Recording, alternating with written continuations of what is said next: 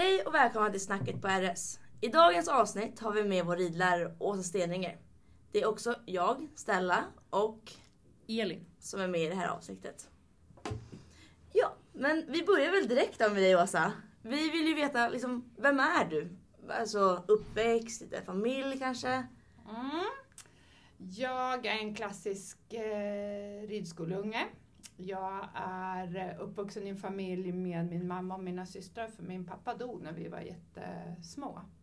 Eh, så jag har inte någon sån här glassig tävlingsbakgrund med egen hästtransport och sådär utan min första egna häst eh, sparade jag ihop till med sommarjobb och sådär. Fick dela med, med mina systrar som också red.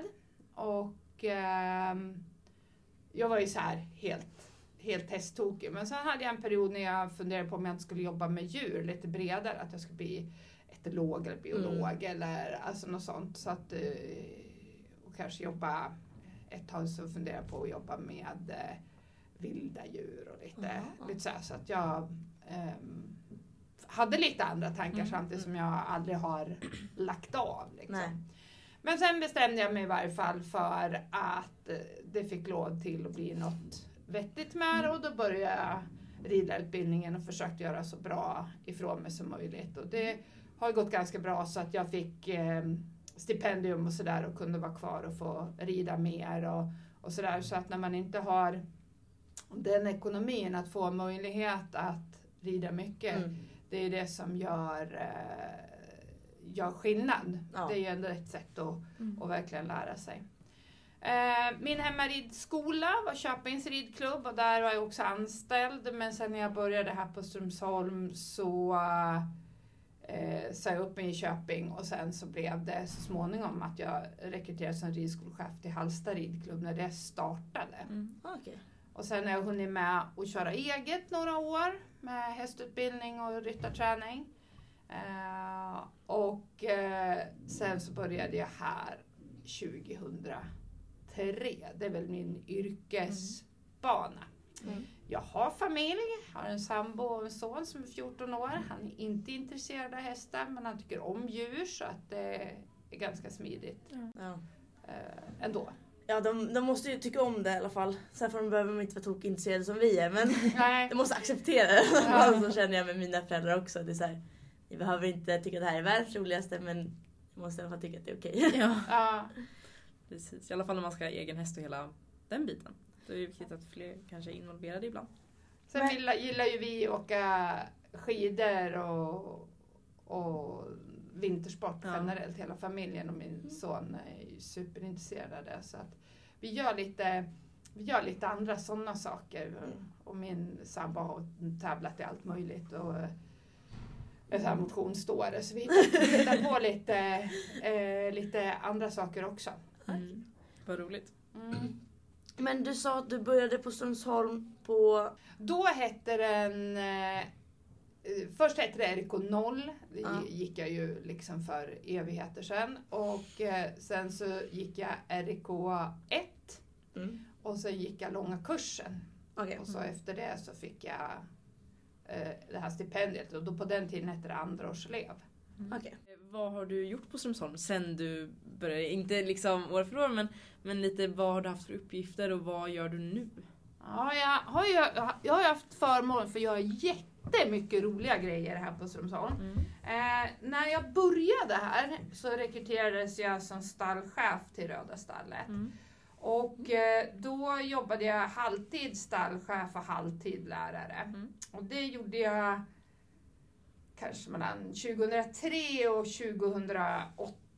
Eh, och sen så föddes ju min pojke 2008 och när jag kom tillbaka då kom jag tillbaka som heltid lärare i- Mm. istället. Eh, Men det borde ha varit väldigt svårt att både vara rid... Eller, Ja. eller lärare och stallchef samtidigt. Jag vet ju bara så här. Känns som att det är så jävla mycket att hålla koll på när man är stallchef. Mycket tid som läggs liksom. Eller... Jo, så, så är det ju. Det är Ja. jättemycket saker som, som måste göras. Och under perioder när jag hade.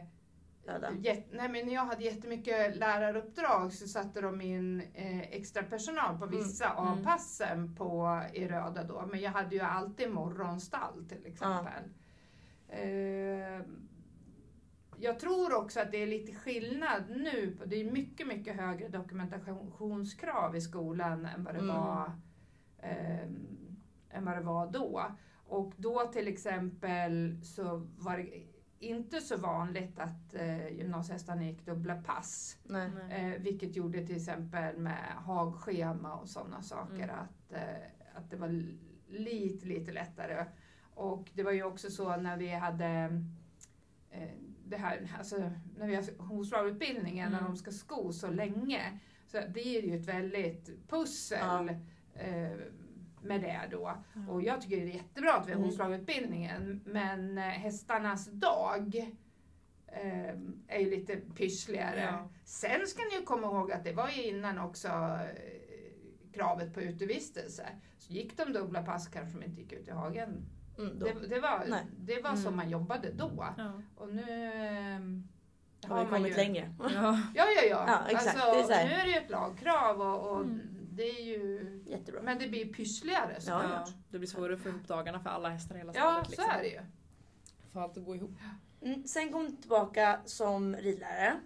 Mm. Eh, vilka klasser har du, hade du då? Då gick jag direkt egentligen in på hippologen. Mm. Så att då började jag med att ha markarbete och eh, jag hade hand om VFU på hippologen och vi la ju ner, eh, under den här tiden så blev ju programmet treårigt och vi la ner Mm. jättemycket arbete på eh, VFU-platserna då. Vi åkte runt i landet och hälsade på massa värdar och eh, gjorde, alltså jobbade jättemycket med de grejerna. För de som inte vet, vad, förklara lite lätt om VFU. VFU är samma sak som APL. Eh, De heter ju på yrkeshögskolan så heter praktiken LIA och på gymnasiet heter den APL, arbetsplatsförlagd eh, Lärande. lärande.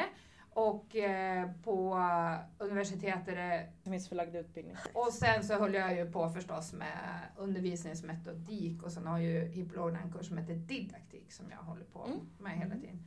Så att det här temat med att utbilda ridlärare, det har ju funnits med från första början och eftersom jag är, har jobbat så pass mycket på ridskola, faktiskt har Mm. gjort det, Ja. ehm, så eh, har jag fått pyssla mycket med det. Mm.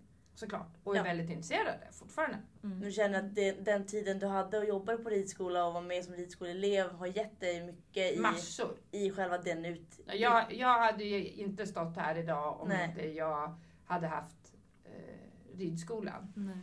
Jag tycker man borde ge lite mer cred till ridskolorna ute i Ja, världen. För att faktiskt. De ger det är mycket. mycket av de människorna man möter här också kommer ju från en ridskolebakgrund. Och det är ju riktigt bra hästmänniskor, lärare, Mm. ryttare. Alltså en ridskola ger en ju väldigt mycket. Det blir mycket bra personer också liksom, Ja. i allmänhet. Det är ju väldigt personrelaterat förstås, Ja. vilka man har turen att träffa på Ja, sin ja. stig. Eh, för, för det har ju jätte... Alltså träffar man bara folk som inte kan tillräckligt och sådär. Men jag tycker att jag har haft sån tur som har träffat så mycket, mycket kloka människor som har liksom kunnat visa en, en vägen för vad som Mm. är bra hästhållning och bra hästmannaskap och sådär. Eh, och utan ridskolan, jag hade inte haft en, en chans. Nej.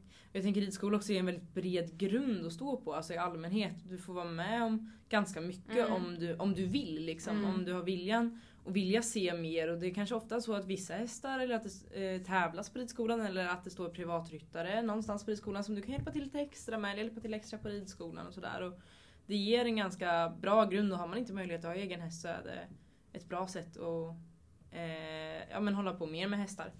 Och ja, men, komma in på den vägen liksom. Jag tror på något vis att många som köper egen häst nu, de bestämmer sig jag ska rida hoppning, jag är hoppryttare, så är man hoppryttare när man är nio år och så åker man bara på hopptävlingar och hoppträningar. Medan på ridskolan, där pågår ju dressyr samtidigt och voltige och, och så. Du får ju, även om du inte är med på allt, så får du ju en bredare ja, kunskap på en Ja. gång.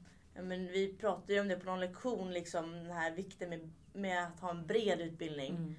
Där när vi pratade om eh, med att man ska kunna ridvägarna och man ska kunna olika övningar och röra sig i dressyr och tänka på Mm. hjälpgivningen. Alltså, om du bara hoppar så ser du ju bara hoppdelen. Liksom. Mm. Om du bara rider dressyr så vet du inte ens hur du ska tänka på när du styr mot ett hinder. Och alla de här sakerna är viktigt för en hållbar häst och för en, en häst med bra mentalitet. Och, Mm. Ja, absolut. Jag glömde bort att tala om att under ett par år så hade jag unghästarna på HIP också. Ja. Det var ju så här att hippolog var ju tidigare så att unghäst, eller hästutbildarna Mm. var nere på Flyinge och ridlarna var här. Ja. Och ridlarna hade unghäst och då hade jag unghäst för ridlärarna. Okej. Mm. Men när eh, hästutbildarna kom upp, då räckte ju inte timmarna till. Och då behövdes ju jag mer på Umet och så. Mm. Och sen så hade vi möjlighet att rekrytera Py då. Så då tog Py den delen av unghästarna Okej. som, som jag hade haft då. Mm. Men det var jättekul också, att Ja. jobba med unghästarna. Mm. Det var Exakt. under den perioden vi hade lite inridningshästar också. Mm. Men om vi går tillbaka till Strömsholm. Ja. Eh, för nu är du ju inte på hippologen längre. Så det har ju Nej kommit precis, en bit. precis. Ja, och, och så, ge- gemensamt med hippologen då så har jag ju jobbat med svensk ridlärarkurserna. Mm. Och då har jag jobbat eh, med, främst med svensk ridlärare 1 och 2. Mm. Eh, och då är det de här, dels har jag stått eh, med hoppningen hela tiden. Eh, och sen så undervisningsmetodik och sen eh, är ju jag ganska nördig på ridlärare så jag tycker att det är rätt så, så roligt att ha eh, ridlärare måste jag säga. Mm. Eh, och ehm, nu från förra året så jobbar jag även med SRL 3 också då. Det har jag inte gjort innan. Men det är kul. Det, för att oss på gymnasiet så har du ju eh, hoppning i eh, vårridning för ridlärare blir Mm. hoppningen. Mm. Och är det dressyrspecialen du har Ja. också? Mm. Vi, sen har vi gymnasiearbetet med dig. Mm. Och Det känns som att det är något mer. Ja, Det det- är ju för att ridning för ridlärare är så, stor. Alltså Ja, jag just det. kursridning för ridlärare och teoretiska då har ju vi eh, UMETen och det är Ja, just därför det. Det är eh, jag är med så mycket i schemat om man säger. Mm. Sen förra året då hade jag ju dressyren i ridning för ridlärare. Ja, just det. Och eh, då kan man ju fundera på, alltså, jag är väl egentligen i ett, ett toppfack. Mm. Eh, men sen så är jag ju väldigt road av dressyr och jag, under alla år som jag har haft unghästar på utbildning så här, då har jag ju försökt gö- göra bägge delarna. Mm. Och det gör ju att den här delen är, alltså det är inte så svårt att hoppa över. Jag är ju C-tränare i dressyr också och har ridit Mm. medelsvår nivå i Mm. bägge. eh, Så att eh, det är in- inget svårt för mig att hop- hoppa mellan. Nej. nej. Nej. Men nu vet vi också att du gör en annan rolig grej här. Eh, vi ska vara, du ska vara i Friends, eller hur? Vi ska vara i Friends, eh, kollegorna. Och då är det så att de ska ha en sån här ehm, 30 år vi minns ett inslag på, på Friends och då ska det komma in lite gamla inslag. Eh, och då för jätte, jättemånga år sedan så var det en eh, kadrilj som var som en vals. Eh, som eh, Jens Fredriksson och Marianne och Sylve Söderstrand och Eva-Karin Oskarsson och så var de några till som red det där. Mm. Och de från Friends ville att, att det skulle vara samma personer som skulle rida, Igen. eh, rida igen då. Men eh, det är inte så himla lätt att, att fiska in Jens för att rida en, kadrill nu. Och, och lite så här, en del rider ju inte lika mycket heller. Och då Nej. bestämdes det att vi kollegor på Strö, Strömsholm och Flyinge egentligen skulle göra det tillsammans. Men eh, det blir så svårt att synka Mm. med Flyinge så vi gör det under Flyinges flagg. Mm. Men det är vi som, eh, som rider då. Mm. Ja. Men det, för det har ju hållit på nu ett tag med att vi har liksom kommit till, Ströms, eller till Hårshow och visat upp oss och Ja. haft med lite så här. Det är ju en väldigt rolig grej. Alltså det är dels stressigt och påkrävande men det är en extremt rolig liksom, Upplevelse. ja det är en, För både elever och också för att vi ska få vara med och se hästarna i andra sammanhang och se Ja. hela platsen och allting. Det är ett väldigt roligt inslag i våran utbildning och få chansen att följa med. Ja, vi, vi kan väl egentligen tycka så här, om vi fick så skulle vi ju vilja ha med liksom en, en hästskötare till, till varenda häst så att Ja. fler fick vara med och, och se det. Nu blir det ju lite att, att vi sköter hästarna själva i år, men som förra året när vi hade 16 hästar så var det ju jättemycket folk med runt omkring och då, då var det ju supermycket att rodda. Det blir lite mindre att rodda i år men eh, Hur många hästar har ni med nu? Eh, vi har sex till kadriljen Mm. och sen har vi fyra som ska gå knockout-toppningen. Ja, så det är tio. Och knockout-hoppningen är, Fredag kväll. och då är det eh, kända ryttare som rider hästarna. Vet. en eh, syrdel och en hoppdel va? Ja. Ja, Och så är det från båda grenarna, eller hur? ja precis. Ja. Så vi, de Så ska, de, det är en dressyrryttare och en hoppryttare som gör lag. Ja. Mm. Det är också så roligt, vi pratar om det, att vi har så mycket olika personligheter på hästar. Hur Ja. Vissa stortrivdes och vissa var så här: ta mig hem. Ja. Och vi har ju försökt att komma ihåg då vilka hästar som har mått bra på Mm, Friends. mm. Som IP till exempel som har varit med alla år, han mår jättebra på Friends. Han, Mm. tycker att, eh, han tycker att det är jättespännande och han, han eh, äter bra och sover bra Mm. och hela, hela den biten. Han känner igen sig så fort han Mm. kommer. Han har ju varit med alla år som vi har fått köra där uppe. Mm. Medan vi hade Frappe förra året som är väldigt lugn hemma Mm. men som blev jätteorolig där uppe Ja. och, och blev liksom dålig i magen och Mm. stressad. Så vi fick ju liksom täcka för hans box och lite sådär så att han... Fick lite lugn och ro så gott Ja, precis. Ja. Men det är så roligt att se också hur det ändras då. Man, man tänker han är liksom en lugn kille, han är med på det Mm. mesta här liksom. Ja. Och sen så kommer man bort hemifrån, då blev det lite svajigare liksom. Men, men det är så kul att se hur de liksom tar den Ja. delen. Ja, liksom. ja. För att alla är ju inte showhästar. Nej, men ni, IP är det. och ni vet ju som Kennedy till exempel, som kan, han kan ju ligga kvar i soffan här hemma ibland. Men Mm. där uppe var ju han jätte, jättepigg. Så Mm. han ska ju faktiskt få hänga med i år igen. Mm. Vi, Jag kommer också ihåg att vi pratade om det, han blev ju också mycket piggare när han kom hem. Att han Ja. var ju fortfarande lite såhär, "Åh, gud vad roligt Ja. livet är liksom Ja, på ett helt ja, annat ja, sätt. han tyckte det var spännande. Mm. Ja, de är roliga. ja, verkligen. Jag har ju fått varit med från inköp till och de unga hästarna och hela deras liksom, utbildning och liv på Strömsholm. Mm. Så det är ju vi lite intresserade av. Hur, hur gör vi liksom för att från, från unghästar till gammal eh, och välutbildad ridskolehäst? Vad, vad är det viktigaste för att de ska kunna hålla och ha rätt liksom, mentalitet och utbildning genom hela det? Vi har ju sett det att många av våra hästar som vi får in som treåringar blir kvar väldigt, väldigt, väldigt länge. Och i och med att vi har så pass mycket eh, olika nivåer och olika typer av utbildningar så har ju hästarna ofta en väldigt bra plats här, även om Mm. den ändras.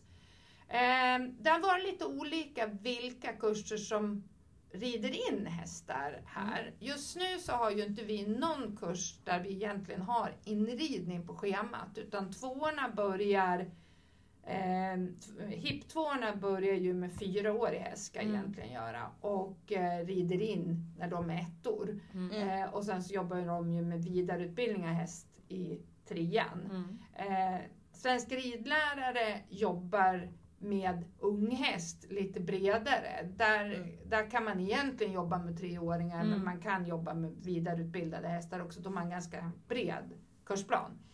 Eh, och SRL 3 har ju både inridning och vidareutbildning. Mm. De får ju mer den, de, de ska ha unghäst men de får ju lite grann jobba med det som de får. De ska Ja. kunna jobba med alla nivåer. Ja. Eh, så att hos oss nu är det ju specialen som, nej inte specialen utan stipendiaterna som rider in Mm. eh, hästar. unghästar. Så att då har vi eh, liksom fasta stipendiater Mm. till det. Eh, som gör det ihop med, eh, med lärarna då. Men det våra hästar framförallt lär sig det är ju rutiner. Sådana Mm. saker som att stå still när man sitter upp och gå tillsammans till och från. Och så att hela den delen blir de rätt så trygg, trygga i. Mm. Och sen när de rör sig på det här området så blir de ju vana vid en massa, massa saker. Det är eh, bilar och transporter och hästar i alla riktningar och så. Så de blir ju rätt street smart skulle jag Mm, säga, ja, våra, mm. våra hästar. Trygga i väldigt många situationer liksom. Ja. Så De blir vana vid väldigt mycket. Alltså det sker ju saker på anläggningen hela tiden Ja. om man nu ska vara sån. Och så fort de går förbi saker så bara att de ser saker hela Ja. tiden måste ändå göra dem ganska trygga. Mer i sig själva och i situationen liksom. Sen så tror jag det vi har, att man inte rider ut själv och man försöker rida med erfaren häst och Alltså sådana saker. Det, det minskar ju sämre erfarenheter. Plus då att, att lärarna är duktiga, eleverna är duktiga så att hästarna får ju en fin utbildning. Och sen vissa hästar ser man ju att de har kanske supertalang. Vi har ju Mm. haft en del supertalanger och det kan ju hända då att, att om man ser att det här är en jättekänslig häst eller det här en häst med väldigt, väldigt stora kvaliteter. Då har ju de ibland ehm, att man har sålt, Mm. dem, sålt dem då. Um, dels är det ju en ekonomisk fråga. Idag är, en, är ju en talangfull häst jätte, jättedyr så det kan ju vara ett, ett tillskott så. Men sen får man ju också se hur, vilken möjlighet vi har att eh, vi har ju ingenting att kanske vinna på att ha en världshäst. Det skulle vara ganska Det behövs Ja. inte. Det, Nej, vi kan nej, inte förvalta det på det sättet. Alltså, Nej, det- det är, inte, det är inte det vi i första hand är ute efter. Nej. Däremot så behöver vi ju väldigt bra hästar för att hålla en hög nivå. Så jag skulle Mm. säga att de flesta av våra hästar skulle ju vilken privatperson som helst vara överlycklig för att få. Ja, Ja. verkligen. Eh, så, ehm, och vi har ju om man säger, vi har ju en nivå att vi vill att hästarna när de köps in ska ha en liksom, grundtalangnivå på i varje fall 1,30 hoppning och medelsför A Ja. dressyr.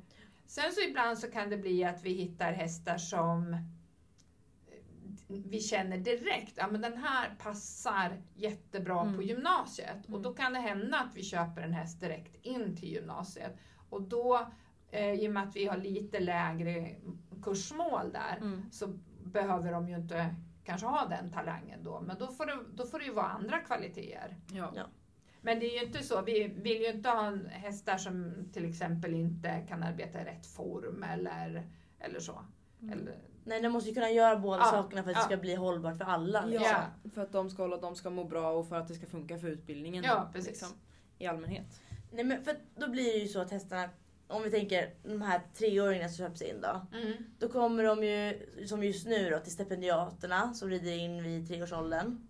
Och sen till hippologen.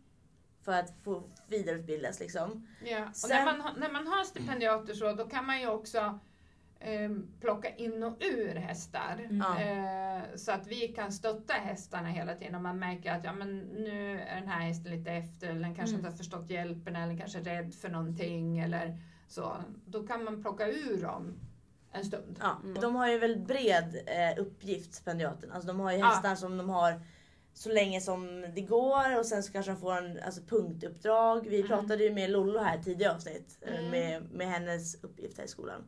Men eh, om vi går tillbaka till hästarnas utbildning och liksom vägen och Strömsholm. Så, eh, och sen när de är färdigutbildade kan man ju säga, då, det eh, händer ju där någonstans. Så har vi ju jättemånga olika ställen för dem att vara. Mm. Eh, och då sa ju du att de hoppar lite olika mellan eh, utbildningarna. Berätta lite hur det kan se ut ungefär. Så. Mm. Eh, vi, det är ju ett väldigt invecklat schema med alla Mm. veckor här. För i, i Strömsholmsåret ser ut på det sättet att hippologtvåorna, de är här från september till mars. Eh, och sen går de ut på VFU. Och då kommer Svensk ridlärare 2 in och tar över hippologtvåornas hästar. Och de två kurserna, där försöker vi hålla en väldigt alltså en jämn nivå så att, så att de håller höjd och utbildningsnivå för Svensk ridlärare 2. Då Mm. använder vi det hästmaterialet eh, till det. Och sen eh, går ju hippologtreorna, de slutar ju i maj och börjar eh, slutet på maj eller början på juni och börjar i september. Och då så kommer Svensk ridlärare 1 in och då byter Svensk ridlärare 2 till HIP 3 hästar inför sin yrkesexamen. Okej. Mm. Och ettorna tar HIP 2 hästar till del Mm. och även gymnasiehästarna då. Ja. Okej. Så eh, ert gymnasium ligger ju på Svensk ridlärare 1, så era hästar går på den nivån Mm. hela året skulle jag vilja säga. Ja. Eh, och det innebär ju att det måste vara en ganska hög nivå på dem hela tiden. Så att även om eh, när man går i ettan på gymnasiet då behöver man kanske inte ha den höga nivån på hästar, men treorna behöver ju det. Mm. Och Svensk Ridlärare 1 behöver det. Så det, det, då tvingas man jobba med nivån, eller tvingas, men, men alltså, det är ju stimulerande att jobba med nivån hela, hela tiden. Mm. Fast det är ju också svårt. Ja. För det behövs ju mycket kvalitet och det behövs mycket un- underhåll och, och så för att det ska rulla på. Mm. Ja men exakt, för att ibland blir det ju så att till exempel någon häst har eh, kanske som står nere på Kungstad som går med hypologerna eller eh, SL2. Mm. Eh, kanske blir lite trött eller tycker att det inte är så roligt och behöver en liten paus och då brukar de kunna komma till oss. För att vi har lite lägre liksom, krav på så här, de behöver inte hoppa jättehögt eller gå jätteavancerad dressyr till exempel. Eller om någon av våra hästar behöver lite mer jobb så kan de flytta ner, eller hur? Mm. Så vi kan också byta upp hästar mellan utbildningarna Mm. ifall de behöver det. Mm. För, Det, är alltid, det är alltid hästen som är i centrum. Ja. Och det, som, det som är väldigt intressant att, att se då, på hippologen så rider man ju dressyr eller hoppning. Mm. Eh, och då blir det ju väldigt ofta hästar som har mer talang för ena eller andra. Medan alla hästar som går på gymnasiet och svensk ridlärare, de är ju, eh, kan ju båda delarna. Mm. Och det man kan se väldigt ofta, det är ju att när de kommer till gymnasiet som rider ut mer och som har en mer, mer blandad vardag skulle jag vilja säga, så är det ju faktiskt jättemånga av hippologhästarna som får lite nytt liv om man säger. De tycker att det är så stimulerande. ja, Mm. men det, det är liksom en liten omväxling i vardagen Mm, liksom, kan vara mm. väldigt bra för många hästar. Ja, jag tänker då kan vi ju bara så här lite fort så här. Du har ju varit med några hästar ifrån, verkligen från början här som nu Mm. är lite äldre och sådär. Och några, till exempel som du kanske har Sonett. Det Ja. vet vi är en häst som du tycker väldigt Ja, mycket om. Är det ja. några mer som du sådär på Frian kommer ihåg som du börjar med som fortfarande är kvar nu? Och då gärna Ja. lite åldrar och, och Ja. vi kommer ihåg. För Sonett är ju nu, hon är 04. 05. Ja, 04. 04. Ja, hon är lika ung som oss. Ja. Sonett var väldigt bestämd som ung häst. Mm. Inte sådär så att hon eh, kastade av, men det var vissa saker som hon eh, bara vägrade göra. Ryggning tyckte hon var helt idiotisk. Fram, Framdelsvändning valde hon också bort. Ja. Eh, och hon kan ju fortfarande bli väldigt irriterad om hon Mm. får en ryttare på sig som ska, ska ha igenom massa grejer. Mm. Eh, men tar man henne på rätt sätt så har ju hon ett, ett hjärta av guld. Mm. Ja. Men vi, har ju, vi har ju Sam och eh, Sam har ju varit här sedan han var, var tre Mm. och det är jättemånga andra av dem som har. JAS till exempel, de var ju ett gäng. Det var ju Ja. JAS, Mackie, DC3 och, och Spitfire som kom samtidigt. De var jättelite hanterade. Så Mm. Där var jag faktiskt med en, en kurs när vi liksom fick jobba lite grann och fånga dem i hagen. Och. Men det var den kursen som eh, red in JAS. Mm. Och eh, då var JAS faktiskt jätte, jättesnäll. Det var inte förrän han kom upp hit som han kastade av första gången. Och det var ju då han blev lite rädd när han kastade av första gången. Mm. Att eh, då, det kan unga hästar bli. Mm. Eller kasta av, det gjorde han väl inte. Men Tappa ryttaren, så att säga. Tappa, Ja. tappa ryttaren.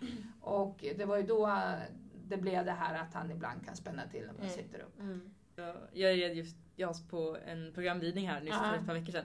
Och det var som dressyrstaketet var det läskigaste han någonsin hade sett i hela sitt liv. Ja, men han Och det är så har här- nerv alltså. Ja men verkligen, Ja. men han är ju jättefin. Det var bara Ja. så här, de är vana vid så mycket men sen stod det en bokstav i ingången och det är det läskigaste han någonsin har sett liksom. Det blir liksom ramaskri och det är lite kul hur de är vana vid så mycket och sen är det så små saker som gör dem så uppmärksamma liksom. Ja. De är fina. Kommer vi till frågan som de flesta har tyckt varit svårast. Mm. Är du beredd Åsa? Mm. Bästa Strömsholmsminne? Har, eh, om en person som har varit här så mycket och gjort så mycket roliga saker, finns det bästa Strömsholmsminne? Det behöver inte vara bästa, det kan vara en av dem. Jag har ju fått vara med om, eh, ni fattar inte så fantastiska grejer. Alltså riktiga, riktiga, både så tårarna rinner och eh, liksom gåshuden står. Och, och det, det handlar om när elever lyckas, när hästarna lyckas, när Alltså såna här riktigt känslomässiga grejer. Mm. Men alltså en sak som, om, om vi ska nu titta på något som är återkommande, något som jag får en klump i halsen av varenda, Mm. varenda år. Ehm, det är inte alltid jag kan vara med, men när man släpper hästarna på betet. Ja. Ja. Det, och man liksom tackar för, Allt i år. ja, för terminen och, och så. Ja, ni ser att jag är tårögd nu med. Ja. Men det vet jag, förra året var det ganska starkt framförallt för att då, eh, jag tror väldigt många av tränarna, eller det är kanske varje år men förra året upplevde vi det att många av tränarna hade så stark koppling till hästarna och så, så Ja. när vi släppte dem så bröt liksom alla ut Ja. i tårar. Det var liksom bara som en så, som frihet för hästarna, de var så glada och alla var glada och det är något slags avslut på terminen. Ja, liksom, det är det. Är väldigt... Sådär. Det är känslomässigt liksom men det är Ja, så det är himla det. fint. Ja, det, och det på något vis, jag, tror för oss som älskar hästar så, ja, hela den grejen med betesläppet är, ja det är nog alldeles, alldeles speciellt. Ja verkligen, det är jättefint. Mm. Eh, Då är det så här också att vi har ju lagt ut en liten länk på våran Instagram om att folk kan ställa frågor som de vill ställa Ja. till dig. Ja. Eh, och då har bland annat frågan kommit upp om du har någon favoritövning i hoppning och en i dressyr. Någon sån där som liksom... Go to. Ja men precis, go to, någon som du tycker om sådär. Finns ju så få. Ja, eller hur? det finns så oändligt många. Ehm, Jag gillar det som blir oftast väldigt, väldigt bra. Det är det här stora s som vi gjorde i, i början. När man sätter en bock på kvartslinjen och ett hinder på diagonalen och sen bock på kvartslinjen. Och så jobbar man verkligen med jämna språng och mjuka, mjuka vägar. Man får Mm. jätte, jätte, jättemycket gjort i den. Och just det här att man ehm, man tvingas att vara vaken och planera sin väg men det blir inte, det blir inte för svårt utan det är oftast en ehm, övning som många kan, kan liksom räkna in sig i och hitta en Mm. bra rytm och, och så. Jag, jag tycker den är bra. Eh, sen så i dressyr så, jag älskar ju galopp. Så, eh, om, det, alltså om det fungerar bra, om man får, får eh, bra fattningar, Mm. så, så tycker jag ju att det är lite lösningen till att hästarna ska bli, ska bli fina. Mm. Sen är det ju vissa som har lite svårare, både ryttare och hästar, med, med fattningar och så. Mm. Så att det kan ju bli precis motsatt. Men om man lägger ner mycket jobb på bra fattningar och Mm. sådär, då får man oftast en, ett väldigt fint resultat. Mm. Sen är jag ju, tyck, älskar ju, men det vet ni, jag är spårning och sådär. Ehm, Tycker om väldigt mycket. Så ni bara rider allting. att göra. Nej men alltså just det här, den här fascinationen för, nu är inte det en, en övning, men bara fascinationen för att, att ryttaren måste hitta och sitta, sitta i spårning och, och att man verkligen är så medveten om hur lätt eller svårt man gör för hästen att Mm. Spåra. För det tar oss faktiskt in nästa fråga från Instagram då. Och det är ju, vad är viktigt för hållbar ridning? Du pratar ju om att här, vi ska ju göra det lätt för våra hästar. Mm. Och spårningen är ju en väldigt viktig del av det. Man har något mer som så här. Om vi tänker att det sitter någon hemma nu som tänker så här, hur ska jag göra det mest hållbart för min häst när jag rider nu? Om man har några enkla grejer som man ska tänka på. Jag tänker så här, om, om, man, om man är under utbildning, att man är inte, man är inte uttagen i något talanglag eller man, alltså att eh, mamma har köpt fem hopphästar till en. Mm. Då tycker jag att det är jätteviktigt att man fortsätter att rida både och. Mm. Jag blir ledsen när man säger att man är hoppryttare när man är åtta år. Och jag blir ledsen när man säger att man är det när man är 12 år med. För att jag tror att hästarna väldigt lätt får ett för ensidigt arbete om vi ryttare specialiserar oss för tidigt. Mm. Jag tycker hästar ska göra både och för att vara starka och glada. De ska eh, arbetas från marken Mm. och de ska arbetas från marken så de är bra och snälla och leda och man ska ha kontakt med sin häst. Mm. Man måste liksom fundera på hur jag ska få den att vilja söka ögonkontakt och vara Mm. hos mig. Eh, så att det är ju om man säger rent vad som står i, i veckoplaneringen. Men sen alla de här sakerna med allsidig träning, olika underlag. Eh, man ska klättra ibland och man ska galoppera ibland. Och, och, Mm. Alltså man ska konditionsträna träna Ja. ibland. Eh, så att eh, hamna inte på banan hela, hela tiden. Nej, det, det finns ju som du sa, så här, det finns ju veckoplaneringens hållbarhet. Sen Ja. finns det ju ridpassets hållbarhet med att så här, rid i båda varven, Ja. sitt rätt, rätt över hästen liksom. Eh, gör både skritt, trav och galopp, övergångar. Ja, för när du väl går till ditt dressyrpass, Ja. då kan man ju vara hur nördig som helst med Mm. att ryttaren måste sitta rätt. Något som jag skulle vilja ägna egentligen mitt resterande jobbliv till, det är det här egentligen med hjälpgivning. Att man blir lite mer, alltså att man förstår hjälpgivningen som ryttare och att man kan bli lite mer exakt. Ehm, jag försöker att instruera så att om man har fått peta på lite eller vara lite tydlig att man faktiskt är lite supportive mot hästarna. Och ni vet ju också det att det finns ju vissa av hästarna som vi hjälper till lite grann ifrån marken. Mm. Eh, och det är lite grann också för att det inte ska bli för tuffa hjälper. Eh, mycket med hästvälfärden, det handlar ju faktiskt också om signaler. Egentligen är det Ja. så att om det bara är du som hanterar din häst, då kan du lära den vad sjutton som helst. Ja. Den kan ju galoppera på att du säger chipspåse. Ja. Eh, om du är det tillräckligt konsekvent. Ja. Men våra hjälpare är ju många gånger väldigt, väldigt, väldigt logiska. Så Mm. att, och det är ju utifrån våra hjälper som det är uppbyggt. Så Mm. lär man nästan tvärtom så det, blir det ju ofta rätt ologiskt. Ja. Men det tycker jag är viktigt när vi har lektioner ibland att, så här, man, att så här, få frågan så här, vad är det du gör nu? Så här, vad är det Ja. du vill att hästen ska göra? För nu frågar du inte om någonting. Liksom. Det är Eller om massor samtidigt. Ja, nej men Ja. alltså, så här, att man ibland bara backar så här. Vad är primärt jag vill? Vill jag att hästen Mm. bara ska gå framåt? Fråga bara att de ska gå framåt Mm. och sen gå vidare liksom. Mm. Eh, jag vet att vår Dan, eh, David Norlander, han Ja. är ofta så här. Vad gör du nu? Man bara. Ja, eh. Ja men vi har haft mycket så upplägget på framridningen nu att det är så här, vi får veta vad huvuduppgiften för passet är och sen så ska vi göra en, en framridning som förbereder det här. Han ska kunna ställa oss frågan när som helst om varför gör du det här och vad förbereder det? Mm. Eh, och det är väldigt Det är jätte, bra. jättebra. Alltså, ja. men- då... Och det är det ni också liksom kan lära andra sen Ja. när ni lär er det. För det är ju viktigt att så här, det är samma sak som när man gör en eh, huvudövning i, någon, alltså i hoppning eller Ja. syr eller någonting. Att vägen du inte har en uppgift, alltså om du ska Mm. rida eh, skänkelvikning på diagonalen till exempel. Mm. När du rider de andra vägarna så ska du ju också förbereda för den här diagonalen. Så att man, Mm. alltså det blir så lite ridhustid och ri, ridning liksom om man bara fokuserar på den delen som kollar, alltså ridläraren kollar Ja på. precis, Ja, du ja. måste jobba i övrigt också. För vi annars- som verkligen vill rida så mycket som möjligt Ja. så blir det jättedumt. Yes. Där kan jag också tänka när man undervisar i dressyr, för när det är hoppning Ja. då, då blir det ju väldigt ofta så att, att du ser till att du ser ryttaren från att den kanske fattar galopp till att den vänder, vänder in och till att den landar och till att den rider nästa hinder, vad det nu kan vara. Mm. Och då kan man ju förstå att ja, ja, men där genar hon jättekraftigt och, och tappar vägen. Då kan jag ju förstå väldigt lätt varför det blir som det blir på hindret. Mm.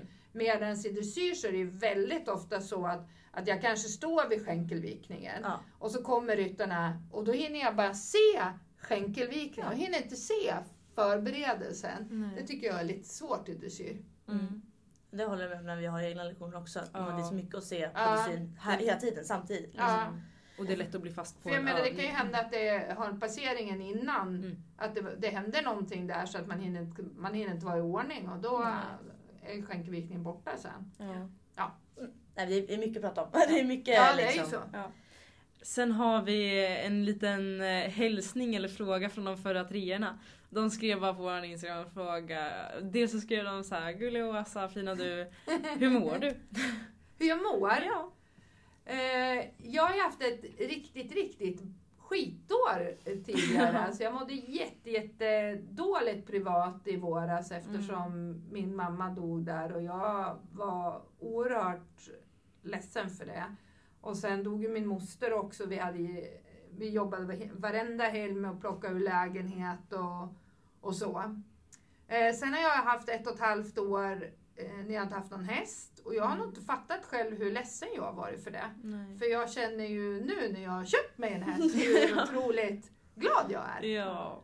Eh, så att eh, det är helt klart uppåt, eh, uppåt sving på saker och ting. Ja, lilla spöket ger mycket nu. Ja, Ja. men han är, han är svingullig. Ja, Ja. jättesöt. Ja. Och sen är han, han är väldigt intresserad av att lära sig saker. Ja. För det kan- kan ni märka med vissa hästar.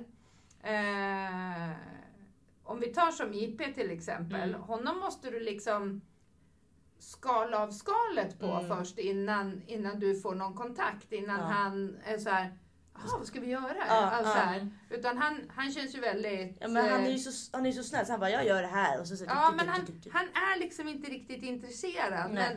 Men, men är... Kommer man in till honom så är han, är han ju supergod. Ja. Medan andra hästar, de är mycket mer... Och så spöket är just nu, så, så är han så här, vad ska vi göra? Vad ska vi göra? Ja. Vad ska vi göra idag? Han är liksom... Behöver man inte att- lirka på utan han vill bara Nej, lära nej, sig nej. Han, han vill lära sig något nytt hela, hela tiden. Ja. Lätt att få kontakt med. Mm. Det är jätteskönt Ja, det är, han, jag är helt Kär. helt kär. Han, han är jätterolig och just där och, och liksom längta till stallet på morgonen. Mm. Det var ett par år sedan kan jag säga. Sen alltså längtar jag Ja. till mitt jobb. Ja, ja. Men eh, Men privatlängtat till stallet, gå och Ja. hälsa på hästen och mocka på morgonen är ju inte, det är ju inte helt fel att göra nej, det. nej, det är faktiskt inte helt fel. Okej, nästa segment är då fem snabba. Ja. Där jag kommer ställa dig eh, två olika påståenden och snabbt utan att tänka, ärligt, så ska du svara det ena eller det andra. Och vi behöver inte någon anledning varför, utan bara Nej, ett bara, svar. bara ett svar. Okej, dressyr eller hoppning? Hoppning alla dagar i veckan när Henke och Peder gör det. Fartfylld utekväll eller lugn hemmakväll? Lugn hemmakväll. TikTok eller Instagram? Instagram, jag har inte TikTok. Sto eller vallack? alltså det finns inget bättre än ett bra sto. Nej, Det finns inget bättre än ett bra sto. Men i jobbet, då är det vallack. vallack. Morgonfodring eller kvällsfodring? Kvällsfodring. Bra jobbat! Ja. Eh, Och det var det vi hade för den här veckan och det här avsnittet. Och vi vill tacka Åsa jättemycket för din tid och Ja. Tack så För- mycket att jag fick komma. kunskap och Ja, erfarenheter och allting. Eh, och eh, ni hittar ju oss som vanligt på sociala medier, medier som Snacket på RS och, RS Podcast UF. Och vi ses om två veckor igen. Ja. Tack för oss! Tack tack! Hej!